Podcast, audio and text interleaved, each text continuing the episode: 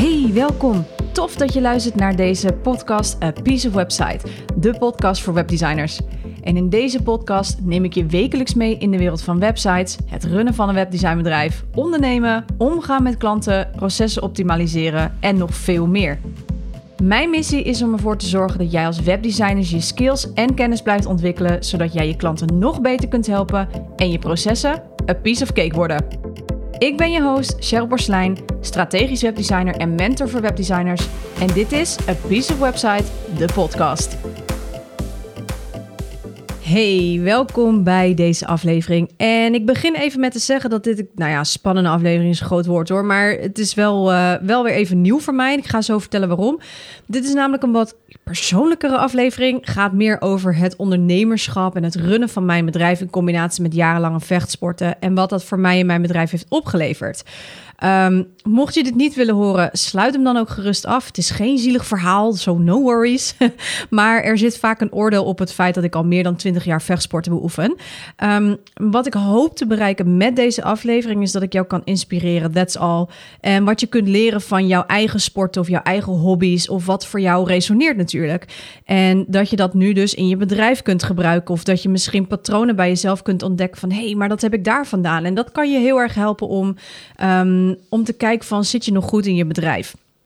En aangezien deze podcast natuurlijk ook wat meer over het runnen van een webdesignbedrijf gaat, dacht ik, ik gooi me een klein beetje meteen over een andere boeg. Zo, so, here we go. nou, mocht je mij dus niet zo heel goed kennen nog, misschien ben je hier nieuw, misschien volg je mij nog niet zo heel lang op Instagram of uh, heb je mij nog niet eerder in real life gezien. Um, sinds ik vier jaar was, deed ik aan karate. Het zit echt in de familie. Mijn moeder, een aantal ooms en tantes hebben in hun jongere jaren allemaal karate beoefend. En mijn vader overigens ook. En mijn vader, die heeft, of moet ik zeggen had, uh, want hij gaat het komende jaar helaas ermee stoppen na 32 jaar. Maar hij had zijn eigen karateschool. Deze heeft hij in februari 1991 opgezet samen met zijn beste vriend. Ze hebben in Japan getraind. Nou, noem het allemaal maar op. Dus karate werd eigenlijk bij mij letterlijk met de paplepel ingegoten. Ik ben daar echt mee opgegroeid en het heeft altijd een hele speciale plek in mijn hart uh, gestolen. Dus ik stond eigenlijk al vanaf mijn vierde in de dojo, zo noemen we dat in de karaatschool. En dat heb ik tot ongeveer tien jaar geleden gedaan. Dus ik was toen 21 en tien jaar daarvan was ook op redelijk hoog niveau. Dus van mijn vierde tot mijn 21ste heb ik karate gedaan, waarvan tien jaar dus op hoog niveau was. Ik deed wedstrijden in sparren, dus tegen elkaar vechten om het even plat te noemen. En zo ben ik in mijn gewichtsklasse, want karate vechtsporten werken altijd op gewichtsklasses, ben ik een keer eerste geworden van Nederland. En ik heb overigens nog heel veel bekers en medailles overgehouden aan mijn karate tijd. En uiteindelijk heb ik mijn zwarte band-examen gedaan. En daarna is het lichamelijk met mij vrij snel achteruit gegaan. Het heeft natuurlijk ook wel wat voeten in de aarde om zo uh, te trainen. En zeker met mijn lichamelijke beperking. Dus ik heb na 17 jaar, prachtige jaren moet ik wel zeggen, heb ik uh, karate uh, moeten opgeven. Um, is oké hoor, dus laten we dat even vooropstellen. Maar karate is meestal een sport die je niet heel vaak hoort. Zeker niet bij vrouwen. Daar zit een oordeel op. En daarom vind ik het soms ook wel eens heel spannend om hierover te delen.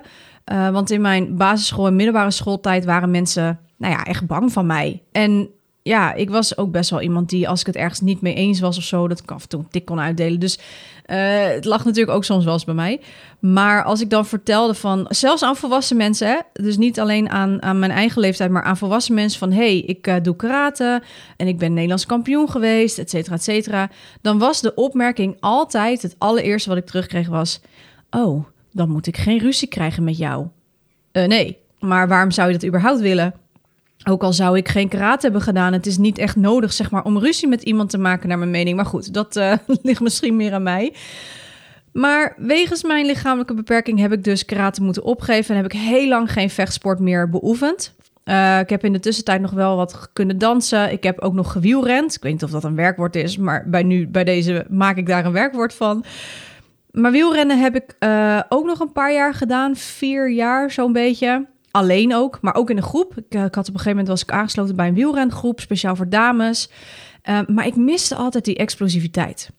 En wat ik het nadeel altijd vind van duursport is dat je steeds langer en langer moet fietsen om moe te worden. Want je conditie gaat natuurlijk steeds verder vooruit. En op een gegeven moment was ik na 50 of 60 kilometer in mijn benen, had ik nog steeds dat ik dacht, oh nou, ik kan nog wel een paar kilometer. Maar goed, ik heb daar het geduld niet voor, want dat vind ik echt te lang duren. Want dan zit je gewoon twee, drie, vier uur op een fiets. Nou, dat is niet helemaal mijn ding, heb ik gemerkt. Dus ehm, daar ben ik uiteindelijk uh, mee gestopt met de groep. Ik heb nog wel zelf af en toe nog wel wat gefietst als het mooi weer was. Ik ben echt een mooi weer wielrenner. Dat is leuk woord voor galgje. Maar voor de rest heb ik dat eigenlijk wel een beetje, ja, een beetje naast, me, naast me gelaten. En heel soms besluit ik nu nog wel eens om, uh, als het mooi weer is en als het langer licht is, s'avonds om op de fiets, op de wielrenfiets, naar de sportschool te gaan. In 2020 ben ik dankzij een psycholoog van mij, want toen zat ik op een behoorlijk dieptepunt in mijn leven. Ga ik nu niet te veel over uitweiden. Maar ik ben ik weer in aanraking gekomen uiteindelijk met vechtsport, omdat ik het dus zo miste. En mijn broer deed in die tijd al langere tijd. Die heeft in de, bij Defensie gezeten. Dus die kwam daar al in aanraking met andere vechtsporten, zoals dus kickboksen. En mijn broer die heeft dus bij een gym bij ons vlakbij, uh, heeft hij dus een, uh, die, hebben, die zijn gespecialiseerd in kickbokstrainingen. Dus die kickboksen daar al een aantal jaar om, om lekker te kunnen nou ja, uh, knallen. Ik heb ook altijd al een zwak gehad voor die sport. Dus niet alleen karate, maar ook kickboksen is voor mij echt een... Ja, ik heb daar iets mee. Ik vind dat een prachtige sport. Um, ik kan helaas nu niet meer sparren. Uh, dat vind ik wel heel jammer. Ik merk dat ik dat nog wel heel erg mis. Maar ik doe dus de zaktrainingen. En um, daar ben ik dus sinds halverwege 2020 ben ik daar dus mee begonnen. Dus nu ook alweer bijna twee jaar. tijd gaat hard. Nou, uiteindelijk heb ik die uh, kickboxlessen weten op te schalen. Eerst was ik nog heel onwennig en dan dacht ik, hm, moet ik dit wel doen? Maar uiteindelijk heb ik het weten op te schalen naar twee keer per week de groepsles, de zaktrainingen groepsles en twee keer per maand doe ik nu personal training om heel erg scherp zeg maar te zijn op uh, mijn techniek. Ik moet het echt van techniek hebben, omdat ik daarmee blessures kan voorkomen met mijn lichaam. Dus ik doe weer een vechtsport en dat doe ik met ongelooflijk, ongelooflijk veel plezier. En de krachttraining of de zaktraining doe ik dan wel, maar dat doe ik echt om mijn eigen kracht te kunnen bepalen. Dus gaat het even niet, dan sla ik een oefening over of ik doe hem wat zachter of ik doe hem met de andere hand. Uh, ik, kan, ik ben, even heel kort gezegd, ik ben hypermobiel, dus ik, bij mij zit een beetje alles los. Dus ik, bijvoorbeeld met mijn linkerschouder, als ik net even een vervelende beweging maak, dan kan ik hem er eigenlijk bijna uitslaan, uit de kom slaan. Dus uh, klinkt allemaal heel ernstig, valt allemaal mee. Daarom doe ik dus die personal training, zodat ik um, dat soort dingen kan voorkomen. Um, maar ik hoef dus, omdat ik dus niet meer spar, hoef ik geen rekening te houden met mijn tegenstander. En um, hè, want met je tegenstander kun je een opsodemieter verwachten. Daar hoef ik dus nu geen rekening mee te houden. Dus dat scheelt voor mij onverwachte bewegingen. Nou, dat geeft mij ook weer wat vertrouwen, zodat ik mijn lichaam goed kan blijven aanvoelen. En dat is dus ook nodig. En sinds ik kickbox weer ben dat gaan oppakken, die vechtsporten, gaat het echt met mij ongelooflijk goed. En ik ben de psycholoog dan ook heel erg dankbaar dat ze mij heeft gepusht om het toch weer op te pakken. Want ik durfde het eerst niet. Nou ja, bla bla. Maar trainen op een hoog niveau of vechtsporten aan zich hebben mij natuurlijk heel erg geholpen in het leven. Niet alleen geestelijk, ook fysiek, want daardoor blijf ik dus gewoon sterk, waardoor mijn lichaam wat langer sterk kan blijven. Maar het heeft me ook heel erg bijvoorbeeld geholpen met mijn studies en nu in mijn bedrijf. En ik kijk daar nu ook echt op terug van, hey, dat heb ik dus hieruit geleerd en dat ga ik zo met je delen. Uh, ik heb daar overigens al kort eens iets over verteld in de laatste aflevering van mijn summer special van dit seizoen, waar Ank in mij, uh, mij in interviewde. Um, dus mocht je daar iets meer nog over willen weten, check dan even aflevering 119. Dan uh, hoor je meer over ja, wat psychisch zeg maar, de, de vechtsporten met mij doen. Maar om terug te pakken op mijn tijd als karateka, op hoog niveau trainen, dat doet wat met een mens. Laat ik wel even vooropstellen dat ik geen Olympisch kampioen was. Dat zo hoog ook weer niet, want dat zijn echt topsporters. Die schema's had ik niet. Maar toch zit er een zekere manier van trainen natuurlijk achter. Hè? Consistentie was namelijk nodig om steeds beter te worden, maar ook om je vorm te blijven behouden. Veel doen, veel oefenen, veel op je bek gaan. Excuse my French, maar dat is dus echt wel veel kunnen experimenteren. Wat werkt wel, wat voelt goed, wat voelt niet goed, wat werkt niet. Je moet natuurlijk tegen een stootje kunnen. Hey, als je een klap krijgt, dan is natuurlijk niet de eerste beste uh, dat je of uh, voorover ligt gebogen of hè, want dat kan niet. Je moet tegen een stootje kunnen, letterlijk. Maar je moet ook kunnen anticiperen en dus incasseren. Je hebt discipline nodig en ook heel erg respect voor je tegenstander. Ik weet dat vechtsporten voor, voor iemand zeg maar, die niet hiermee in aanraking is gekomen nog, die het zelf nog niet hebben gedaan of die niet daar zo van zijn, dat het best wel een, een enge sport lijkt. Uh, maar dat valt heel erg mee, want deze sporten hebben vaak de meest respectvolle sporters. Wat wij altijd hebben geleerd tijdens de karatelessen is dat je respect hebt voor de ander. We buigen ook. Hè, dus om, om elkaar respect te tonen. We zitten op een gelijk niveau. Je gaat met respect om met de hogere gekleurde banden. En de witte, de witte eh, banden en de lagere banden, die neem je mee onder je vleugels, om het zo maar even te noemen. Het is een hele respectvolle sport, karate. En ook kickboksen overigens ook. En al die dingen die ik daar in die tijd heb geleerd, die gebruik ik nu bewust en misschien ook wel onbewust in mijn bedrijf. In het runnen van mijn webdesignbedrijf, hè, consistentie in trainen bijvoorbeeld, dat gebruik ik nu in consistent zichtbaar zijn. Althans, dat probeer ik natuurlijk. Ik weet wat consistentie is. Elke week een podcast online zetten is voor mij ook heel consistent zijn. Consistent zijn in werk leveren, hè, in de kwaliteit, in de manier van, van, van werken zonder consistentie zou het een zootje worden. Zul je niet kunnen verbeteren en ook nooit in vorm kunnen blijven. En tuurlijk, weet je, ik ben ook wel iemand die daarin behoorlijk kan doorslaan. Maar dat heeft natuurlijk alles te maken met mindset. Uh, ik ben soms ook wel echt verslaafd aan sporten, wat ik ook weer heel erg terugzie in mijn werk. Uh, ik kan daar echt in doorslaan, in, in, in lange uren maken, lange dagen maken. En ik ben iemand die gerust vijf, zes keer in de sportschool kan staan als ik dat zou willen. Doe ik niet, maar dat is wel iets waar ik mezelf ook voor echt moet behoeden. En dat gebruik ik dus ook in mijn werk om te zeggen: hey, tot hier is mijn grens, tot hier en niet verder. Dus daarin heb je ook het stukje anticiperen van: hey, waar sta ik? Hè? Hoe gaat het nu met mij? Um, hoe, hoe zit ik erbij? Waar moet ik aan sleutelen? Waar moet ik aan draaien? Etcetera. Weet je, dus dat soort vragen stel ik me iedere, nou, één keer in zoveel tijd. Om eens te kijken van: hey, waar, waar zit het hem nu? En dat doe je met, met, uh, met trainen ook. Hè? Van hey, waar sta ik nu? Waar wil ik heen? Wat heb ik te doen om beter te worden? Wat heb ik te doen om in vorm te kunnen blijven? Nou, dat doe je met je bedrijf, doe ik dat dus ook. Het stukje incasseren, wat ik net zei, van ja, je moet tegen een stoot kunnen. Je moet, tegen, je moet een klap kunnen krijgen en vervolgens weer kunnen doorgaan. Het van je afschudden, om het zo maar even te noemen. En dan bedoel ik het niet in de zin van ervan weglopen, maar het gewoon toelaten. Toelaten, oké, hey, wat ging hier mis? Zegt iemand bijvoorbeeld nee op een offerte, als we het dan naar de business trekken, ga dan kijken waarom. Uh, dan ga ik kijken van, oké, waarom? Dan vraag ik ook om feedback van, hey, je hebt nee gegeven op mijn, op mijn voorstel. Uh, kun je mij uh, aangeven waar het hem in zit?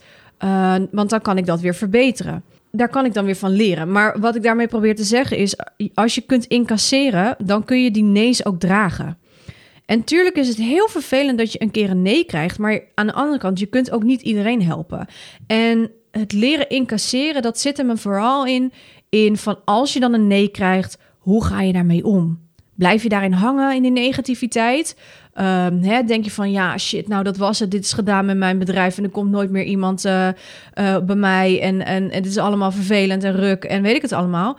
Of ga je daarop feedback vragen, incasseer je het en ga je daarvan leren. Want het blijkt dus in de karate, als we kijken naar de karatewereld, maar ook naar de kickboxwereld, is als jij dus niet kan incasseren, dan krijg je een klap. En dan ga je KO. Of je gaat, uh, of nou ja, wat ik heel vaak zag natuurlijk bij, bij de wedstrijden bij mij, uh, was dat iemand gewoon in huilen uitbarstte. Omdat iemand een tik voor zijn gezicht kreeg of een trap in de buik. En ja, die kon niet incasseren. Dus dan raak je gefrustreerd, dan raak je uh, boos en je gaat dan fouten maken. Ik heb het zelf ook meegemaakt. Hè. Ik kan ook echt wel pis en pisnijdig worden. Als ik uh, bijvoorbeeld mijn dekking uh, net niet op tijd omhoog had gehaald... en ik gewoon, nou ja, een volledige uh, eh, 360 kick bewijs van om mijn oren kreeg. Ik heb daar heel veel uit geleerd. Want ik kon daar echt, echt enorm boos worden op mezelf. van shit, zie je nou wel? En je hebt je dekking niet omhoog en dit en dit en zo. Dat werkt dus ook door in je dagelijks leven. Dat werkt dus ook door in je bedrijf. Als jij jezelf daar zeg maar op je vingers gaat tikken en constant zie je nou wel, kan het niet, kan het niet, dan zul je die, dat nooit kunnen incasseren. Dan zul je nooit een nee kunnen dragen, terwijl het helemaal niet om jou als persoon gaat, maar misschien zijn er wel andere redenen. En dat geldt ook voor ontevreden klanten. dat, je, dat je iemand hebt die niet helemaal tevreden is. Oké, waar ligt dat dan aan? Hoe gaan we dit oplossen? Tuurlijk krijg je een tik. En tuurlijk is het vervelend. Maar het is juist de kunst om het om te zetten naar een les. Oké, nu kreeg ik een tik. hey, hoe gaan we dat anders doen? Hoe gaan we ons daartegen wapenen? Hoe gaan we dat volgende keer anders doen? Hoe zit het misschien wel in mijn communicatie? Blijkbaar moet ik het iets, iets anders oplossen. Je krijgt het namelijk niet voor niets op je pad. En ik zeg uh, daarin ook incasseren, leren en weer opnieuw experimenteren. Want um, als je dat niet doet, dan, dan kun je ook niet schaven. En dus dan kun je ook niet bijleren. Dan kun je ook niet leren van je fouten. Dus ga ook steeds weer terug naar de tekentafel om te kijken van... hé, hey, waar kun je nog verbeteren? Dat geldt voor mij ook. Waar kan ik verbeteren? En met karate en kickboksen is dat natuurlijk de techniek. Ja, de scherpe randjes eraf halen, net de goede uh, uh, techniek gebruiken, steeds beter worden en elke keer weer een beetje beter. En dat doe ik ook in mijn bedrijf. Ik experimenteer graag, ik kijk wat er goed gaat, ik kijk wat er niet goed gaat. En wat er niet goed gaat, leg ik onder een vergrootglas. Dan check ik van, moet ik hier dingen weghalen? Moet ik dingen stoppen? Moet ik onderdelen weghalen in mijn bedrijf, aanbod? Of, of uh, gaat het om klanten die ik misschien toch moet afstoten, om wat voor reden dan ook? Dat hoort er allemaal bij kijk ik nog of ik wat er is, of ik dat wat niet werkt, zeg maar, kan ik dat verbeteren? Is het nodig om dat te verbeteren? Heeft het nut om dat te verbeteren? Hè? Uh, zodat het misschien wel gaat werken. En als dat van toepassing is, maar zo niet, dan haal ik het weg. En dan ga ik kijken van wat werkt er wel en daar ga ik meer van doen. En net als in de vechtsport heb je een bepaalde tactiek nodig, een, strategie. En die strategie, daar heb ik natuurlijk mijn specialisme van gemaakt in mijn werk vooral. Um, in de websites die ik maak. En het is tof om te zien dat het allemaal uit mijn jarenlange liefde voor vechtsporten komt. En het mooie is, er zijn zoveel verschillende strategieën hierin. Uh, voor iedereen werkt iets anders. En soms zie je ook vaak dat vechtsporters, hè, uh, als, je, als je dan terugkijkt naar de vechtsport, is dat, dat sommige vechtsporters volledig hun tegenstanders analyseren door video's te bekijken, bijvoorbeeld. wat doen zij? Welke moves maken zij? Uh, wat is hun signature move? En je zou dit kunnen bedenken als dit als je in je strategie van je bedrijf zou kunnen gebruiken, is dat je kijkt van oké, wat doen de concurrenten? Concurrentieanalyse. Wat zie je daar? En waar kan jij dat verschil nu in maken? Ik heb de afgelopen jaren natuurlijk daar zo mijn aanbod op aangesloten en mijn strategie op aangesloten, dat dat nu gewoon heel erg goed werkt. Hè, um, mijn websiteprojecten, die lopen. Die, die, daar krijg ik constante nu uh, klanten in binnen. Mijn mentorship heb ik echt samen opgezet met een van mijn mentees, zodat het echt volledig voldoet aan de eisen van wie ik het nodig heb. Dat is een andere strategie als mijn website strategieën is. Want die websiteprojecten, die grote websiteprojecten van mij, daar heb ik echt een aantal jaar over gedaan om dat goed te krijgen. Dat was blijkbaar nodig. Uh, ik heb heel veel gestopt, ik heb heel veel erbij gedaan, heel veel eraf gehaald, heel veel uitgetest. En nu ben ik op een punt dat dat nu staat. Die, die basis, dat is een hele solide basis, die staat nu. Dus die strategie is nu uitgewerkt en daar kan ik op voorborduren en opschalen. En mijn mentorship, voor webdesigners, daar heb ik dus samen met een mentor, met een mentee, dus met webdesigners zelf. Ik heb een aantal webdesigners daarvoor gesproken en letterlijk gevraagd van wat had je nodig? Wat heb je nodig van mij om te kunnen leren, om te kunnen ontwikkelen, om te kunnen specialiseren binnen jouw vakgebied? Op basis daarvan heb ik een traject bepaald. En is dat dus mijn strategie geweest om het mentorship op te zetten en om een mentorship out there te zetten. Dus elk mentorship is ook anders. Omdat het een één op één mentorship is, zit de strategie is altijd anders. En ook binnen mijn mentorship voor webdesigners is de strategie bij ieder persoon anders. Bij de ene zit ik veel meer op het designvlak, bij de andere zit ik veel meer op het researchvlak, bij weer een ander zit ik meer op de techniekvlak. Iedereen heeft iets anders nodig. Dat is mijn strategie die ik heb bepaald voor dit mentorship. Maar zoals je hoort heb ik voor mijn website trajecten een hele andere strategie gebruikt. En voor de websites die ik voor mijn klanten maak, daar zit ook een strategie in. Dus op die manier kun je op verschillende vlakken. Dus kijk ook eens als jij bijvoorbeeld een bepaalde hobby hebt of een bepaalde sport doet, die dit ook zo'n gevoel heeft. Of je daar iets van uit kan halen wat jouw bedrijf ten goede doet. Dit doet mijn bedrijf heel erg goed, deze sporten. Ik kan, heb er heel veel van geleerd. En het heeft mij echt gemaakt tot wie ik ben. En er zijn zoveel mogelijkheden. En ook natuurlijk is een groot deel discipline. Hè? Als ik dat niet had gehad, dan had ik nooit Nederlands kampioen geworden. Had ik nooit netjes twee keer nu per week in de gym gestaan. Uh, had ik nooit mijn personal training bijvoorbeeld aangekund. Zonder discipline had ik nooit iedere dag mijzelf kunnen dragen en mijn bedrijf kunnen dragen. En had ik dit niet al bijna twaalf jaar dit bedrijf kunnen hebben. I'm here. I'm showing up. En het heeft ook te maken met natuurlijk hoe jij je positioneert, hoe jij je van binnen voelt. Maar een groot deel is wel discipline. En wat ik wel heb gemerkt, is ik, ik persoonlijk stel niet echt doelen. Geen grote doelen. Ik heb het wel een keer geprobeerd, maar voor mij werkt dat niet echt lekker. En dat heb ik ook door experimenteren, door te, te anticiperen, door te incasseren, heb ik dat allemaal geleerd. Bij mezelf. Ik ben echt een persoon die in het moment leeft, op, of op in ieder geval op kortere termijn. Want als ik dit ook weer terugpak naar uh, de wedstrijden die ik heb gedaan. Als ik namelijk wedstrijden had, dan trainde ik daar naartoe. Tuurlijk, logisch. Maar ik wilde nooit verder kijken dan die eerste wedstrijd die ik misschien over drie maanden had. Terwijl ik al wist dat ik over zes maanden had ook een wedstrijd had. Maar die ze over zes maanden is nu even niet belangrijk. Ik moest mij voorbereiden natuurlijk op de dichtstbijzijnde. Want als ik dat niet doe, dan wist ik sowieso dat die van drie maanden, over drie maanden, dat ik die niet ging winnen. Terwijl ik daar juist nu op moet focussen. Ehm, ik moest mij voorbereiden op die dichtstbijzijnde wedstrijd. En dat is nu ook iets wat ik voor mij in mijn bedrijf wat, wat fijn werkt. Hè? Ik vind het fijn om korte termijnen te pakken. Om per kwartaal te kijken, om van klein doel naar klein doel te gaan. Omdat ik dat. Daarmee hou ik overzicht. En probeer ik ook veel meer in het moment te zitten en niet te bedenken van ja, maar over zes maanden zo. Nee, ik ben nu bezig. Ik ben nu met mijn mentees bezig. Ik ben nu met mijn klanten bezig, met mijn opdrachtgevers bezig. Waarom zou ik in hemelsnaam over zes maanden nu gaan bedenken wat ik dan zou moeten doen? Voor mij werkt dat niet. Maar goed, dat is natuurlijk voor iedereen anders. Maar dit is wat ik door terug te kijken op deze sporten en op deze jaren die ik heb gehad, kan ik dus nu een connectie maken met mijn bedrijf, hoe ik dus mijn bedrijf run. En um, er zijn natuurlijk heel veel andere dingen eromheen nog die ik doe met mijn bedrijf, die ik, die ik kan delen. Maar dit is nu even, zeg maar, als ik kijk naar wat, die, wat sporten, de vechtsporten voor mij hebben betekend, dan zijn dit de grote highlights die ik daaruit kan halen. En dan nog het respectvol met elkaar omgaan. Dit is wel voor een van mij van de belangrijkste waarden in het leven. Respectvol met elkaar omgaan. En respectvol betekent bij mij ook meteen liefdevol. Maar respect komt van twee kanten. En mijn kernwaarde voor de klanten waarmee ik wil werken en de mentees is bij mij gelijkwaardigheid. Ik ben heel slecht in autoriteit.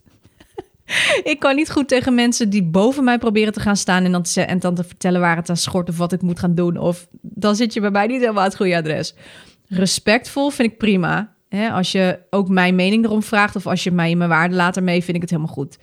Gelijkwaardigheid betekent voor mij dat we elkaar dus kunnen feedback geven. Dus kunnen adviseren vanuit mijn eigen expertise. En de optie daarbij openlaten voor de ander om er iets mee te doen. dus de meningen, de visie, standpunten te respecteren van elkaar en daarmee elkaar in hun waarde laten. Want als ik dan terugpak voor mij op de wedstrijden bijvoorbeeld, en ik kijk hier naar terug, is we zijn allebei flink aan het trainen geweest. Je tegenstander en jij hebben allebei gelijk uh, flink aan het trainen geweest. We hebben heel hard uh, geoefend. We hebben, we hebben allerlei soorten tactieken uh, bedacht. noem het allemaal maar op. Maar binnen elke karateschool was weer een andere specialisme eigenlijk, om het zo maar even te noemen. En ondanks dat we Kijk, tuurlijk zitten hier. Dit is geen autoriteit, hè? Want als iemand natuurlijk van je wint, ja, dan heb je gewoon uh, pech. Uh, dan houdt het gewoon op. Maar het ging er hier om dat we met respect naar elkaar omgingen. Dus als we per ongeluk elkaar raakten, wat niet helemaal goed was, dan vroegen we altijd na de wedstrijd van: Hey, are you okay? Ben je oké? Gaat het? We groeten elkaar, we gaven elkaar een hand bij zowel het begin als bij het einde. Je bent daar als gelijke op de mat. En ik vind dat voor mij, voor mij werkt dat in mijn bedrijf ook zo. We zijn gelijke. Tuurlijk heb jij je eigen expertise en ik heb mijn eigen expertise, maar we zijn respectvol naar elkaar. En er wordt om elkaars advies gevraagd en dat maakt mijn bedrijf zo leuk. En dat, is, dat, dat maakt mijn werk zo leuk, omdat ik gevraagd word om advies te geven, maar ook omdat het vanuit mijn eigen expertise kan. En ik daarmee kan laten zien dat jij jouw expertise weer kunt upliften. Om het zo maar even te noemen.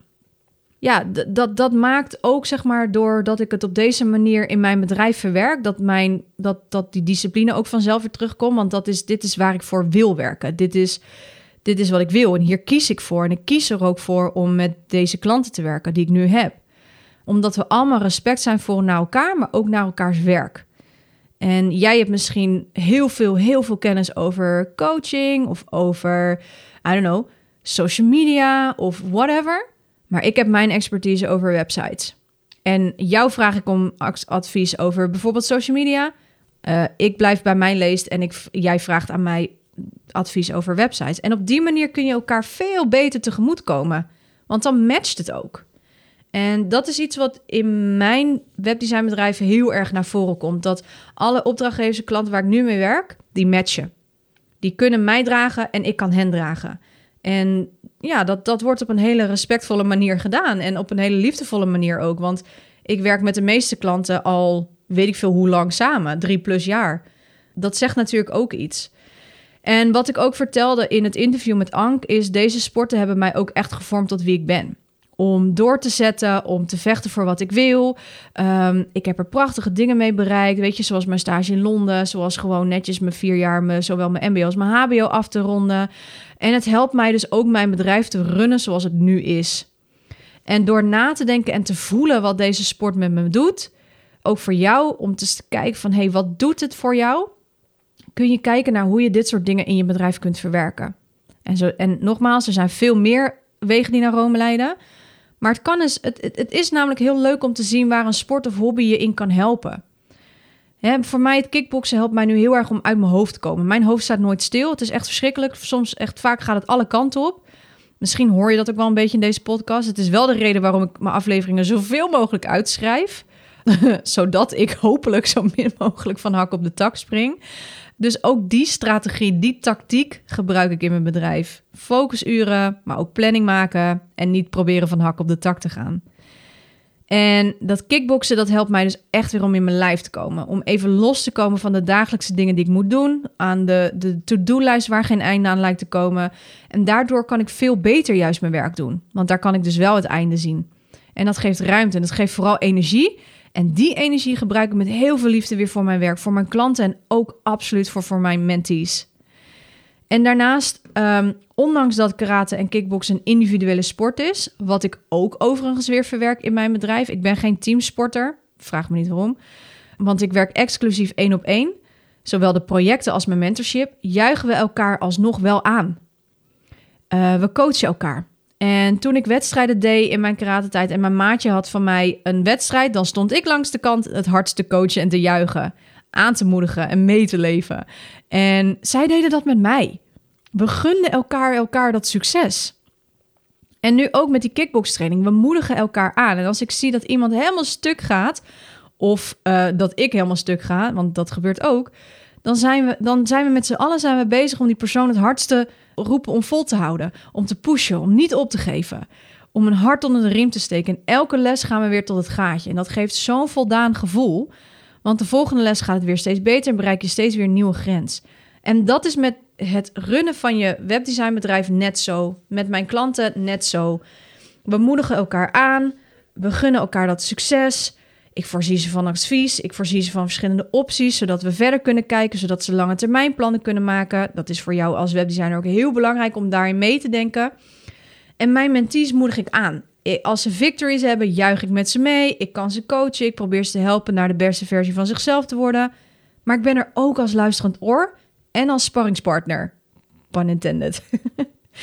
en al die dingen, al die lessen uit de sport, uit het trainen op een hoog niveau die helpen mij mijn bedrijf te runnen zoals ik vandaag de dag doe. En het helpt mij om mijn bedrijf te kunnen dragen. Het helpt mij om te kunnen groeien. En het is behoorlijk tof, moet ik je zeggen, om hierop terug te kijken. En om te zien waar ik vandaan kom en wat ik allemaal heb bereikt in de afgelopen, nou ja, bijna twaalf jaar ondertussen dat ik dit bedrijf run. En tuurlijk blijven er ook moeilijke dingen. Gaan er ook heus wel dingen bij mij niet goed. Zet me alsjeblieft niet op een voetstuk. Uh, dat is helemaal niet nodig. Er zijn nog steeds lastige momenten bij mij. Er zijn ook, ook nog steeds soms dagen dat het mijn bed net even wat lekkerder ligt. Of dat de bank net even er verleidelijker uitziet dan mijn kantoor. Het is ook gewoon goed om daar eens aan toe te geven. Om wat meer ontspanning te pakken. Maar als je iets doet wat je leuk vindt. Iets hebt waar je voor wilt vechten. In de meest positieve zin natuurlijk van het woord. Dan zul je merken dat je werk geen werk meer is. Maar dat het echt een onderdeel is van wie je bent. En dat is mijn bedrijf. Dit is deels wie ik ben. En ik ben er heel erg blij mee. Ik ben heel erg blij met uh, hoe het nu gaat. Ook al is het soms heel druk, En uh, is het soms even heel erg pittig? Ik doe wel waar ik heel erg blij van word. En elke dag spreek ik weer mensen waar ik heel erg blij van word. Um, dus ja, ik, uh, ik, ik, ik dank mijn, mijn mooie jaren aan karate, 17 jaar en nu weer twee jaar het kickboksen. Ik, ik, ik vind het helemaal geweldig dat dat zoiets voor mij kan opleveren. Dus ik vroeg me ook wel een beetje af, zeg maar, wat helpt jou in je bedrijf? Hè? Dus heb jij bepaalde hobby's of een sport bijvoorbeeld, wat voor jou heel veel betekent? Um, laat het me gerust weten. Hè. Stuur me even een bericht via Instagram bijvoorbeeld. Mijn tag kun je vinden in de show notes. Kun je daar gewoon meteen op klikken. Dan hoef ik het allemaal niet te spellen en zo. Ik heb een heel moeilijk bedrijfsnaam gekozen. Maakt verder niet uit. um, maar ik hoop vooral dat deze podcast een inspiratie voor je is geweest. Dat je misschien mij ook een beetje beter leert uh, kennen. En dat je ook hoort wat het runnen van een webdesignbedrijf bij mij allemaal, wat dat doet. Dus hoe de vechtsporten mij helpen om mijn bedrijf te runnen zoals het nu gaat. Dus uh, ja, ik hoop oprecht dat het een inspiratie voor je is geweest. En uh, voor nu wens ik je een hele fijne dag. En ik bedank je natuurlijk weer voor het luisteren. Ik hoop dat je de volgende keer weer bent. En um, ja, ik zou zeggen, fijne dag. Doei! Thanks for listening. Wil jij je skills verder uitbreiden of verdiepen, je processen optimaliseren en simpel en effectief willen leren werken? Dan is het mentorship voor webdesigners perfect voor jou. In dit zes maanden durende één op één traject krijg je een volledig kijkje bij mij in de keuken. Ik ga samen met jou diep op de materie in op de onderdelen waar jij op vastloopt. Denk aan proces, goed feedback leren ontvangen, hoe je bepaalde designkeuzes maakt op basis van die informatie die je ontvangt, maar ook hoe jij je klanten nog beter kunt helpen met bijvoorbeeld het schrijven van goede teksten, hoe jij je adviesrol kunt inzetten en hoe je lange termijn trajecten kunt aangaan. Nou, dit allemaal doe ik op basis van mijn eigen webdesign procesformule die uit vijf fases bestaat. En dat is research, design, build, launch en grow. Wil jij weten of dit traject perfect is voor jou? Let's talk about it. Plan direct een afspraak in via mijn digitale agenda op www.cprecision.nl slash mentorship voor een vrijblijvend intakegesprek.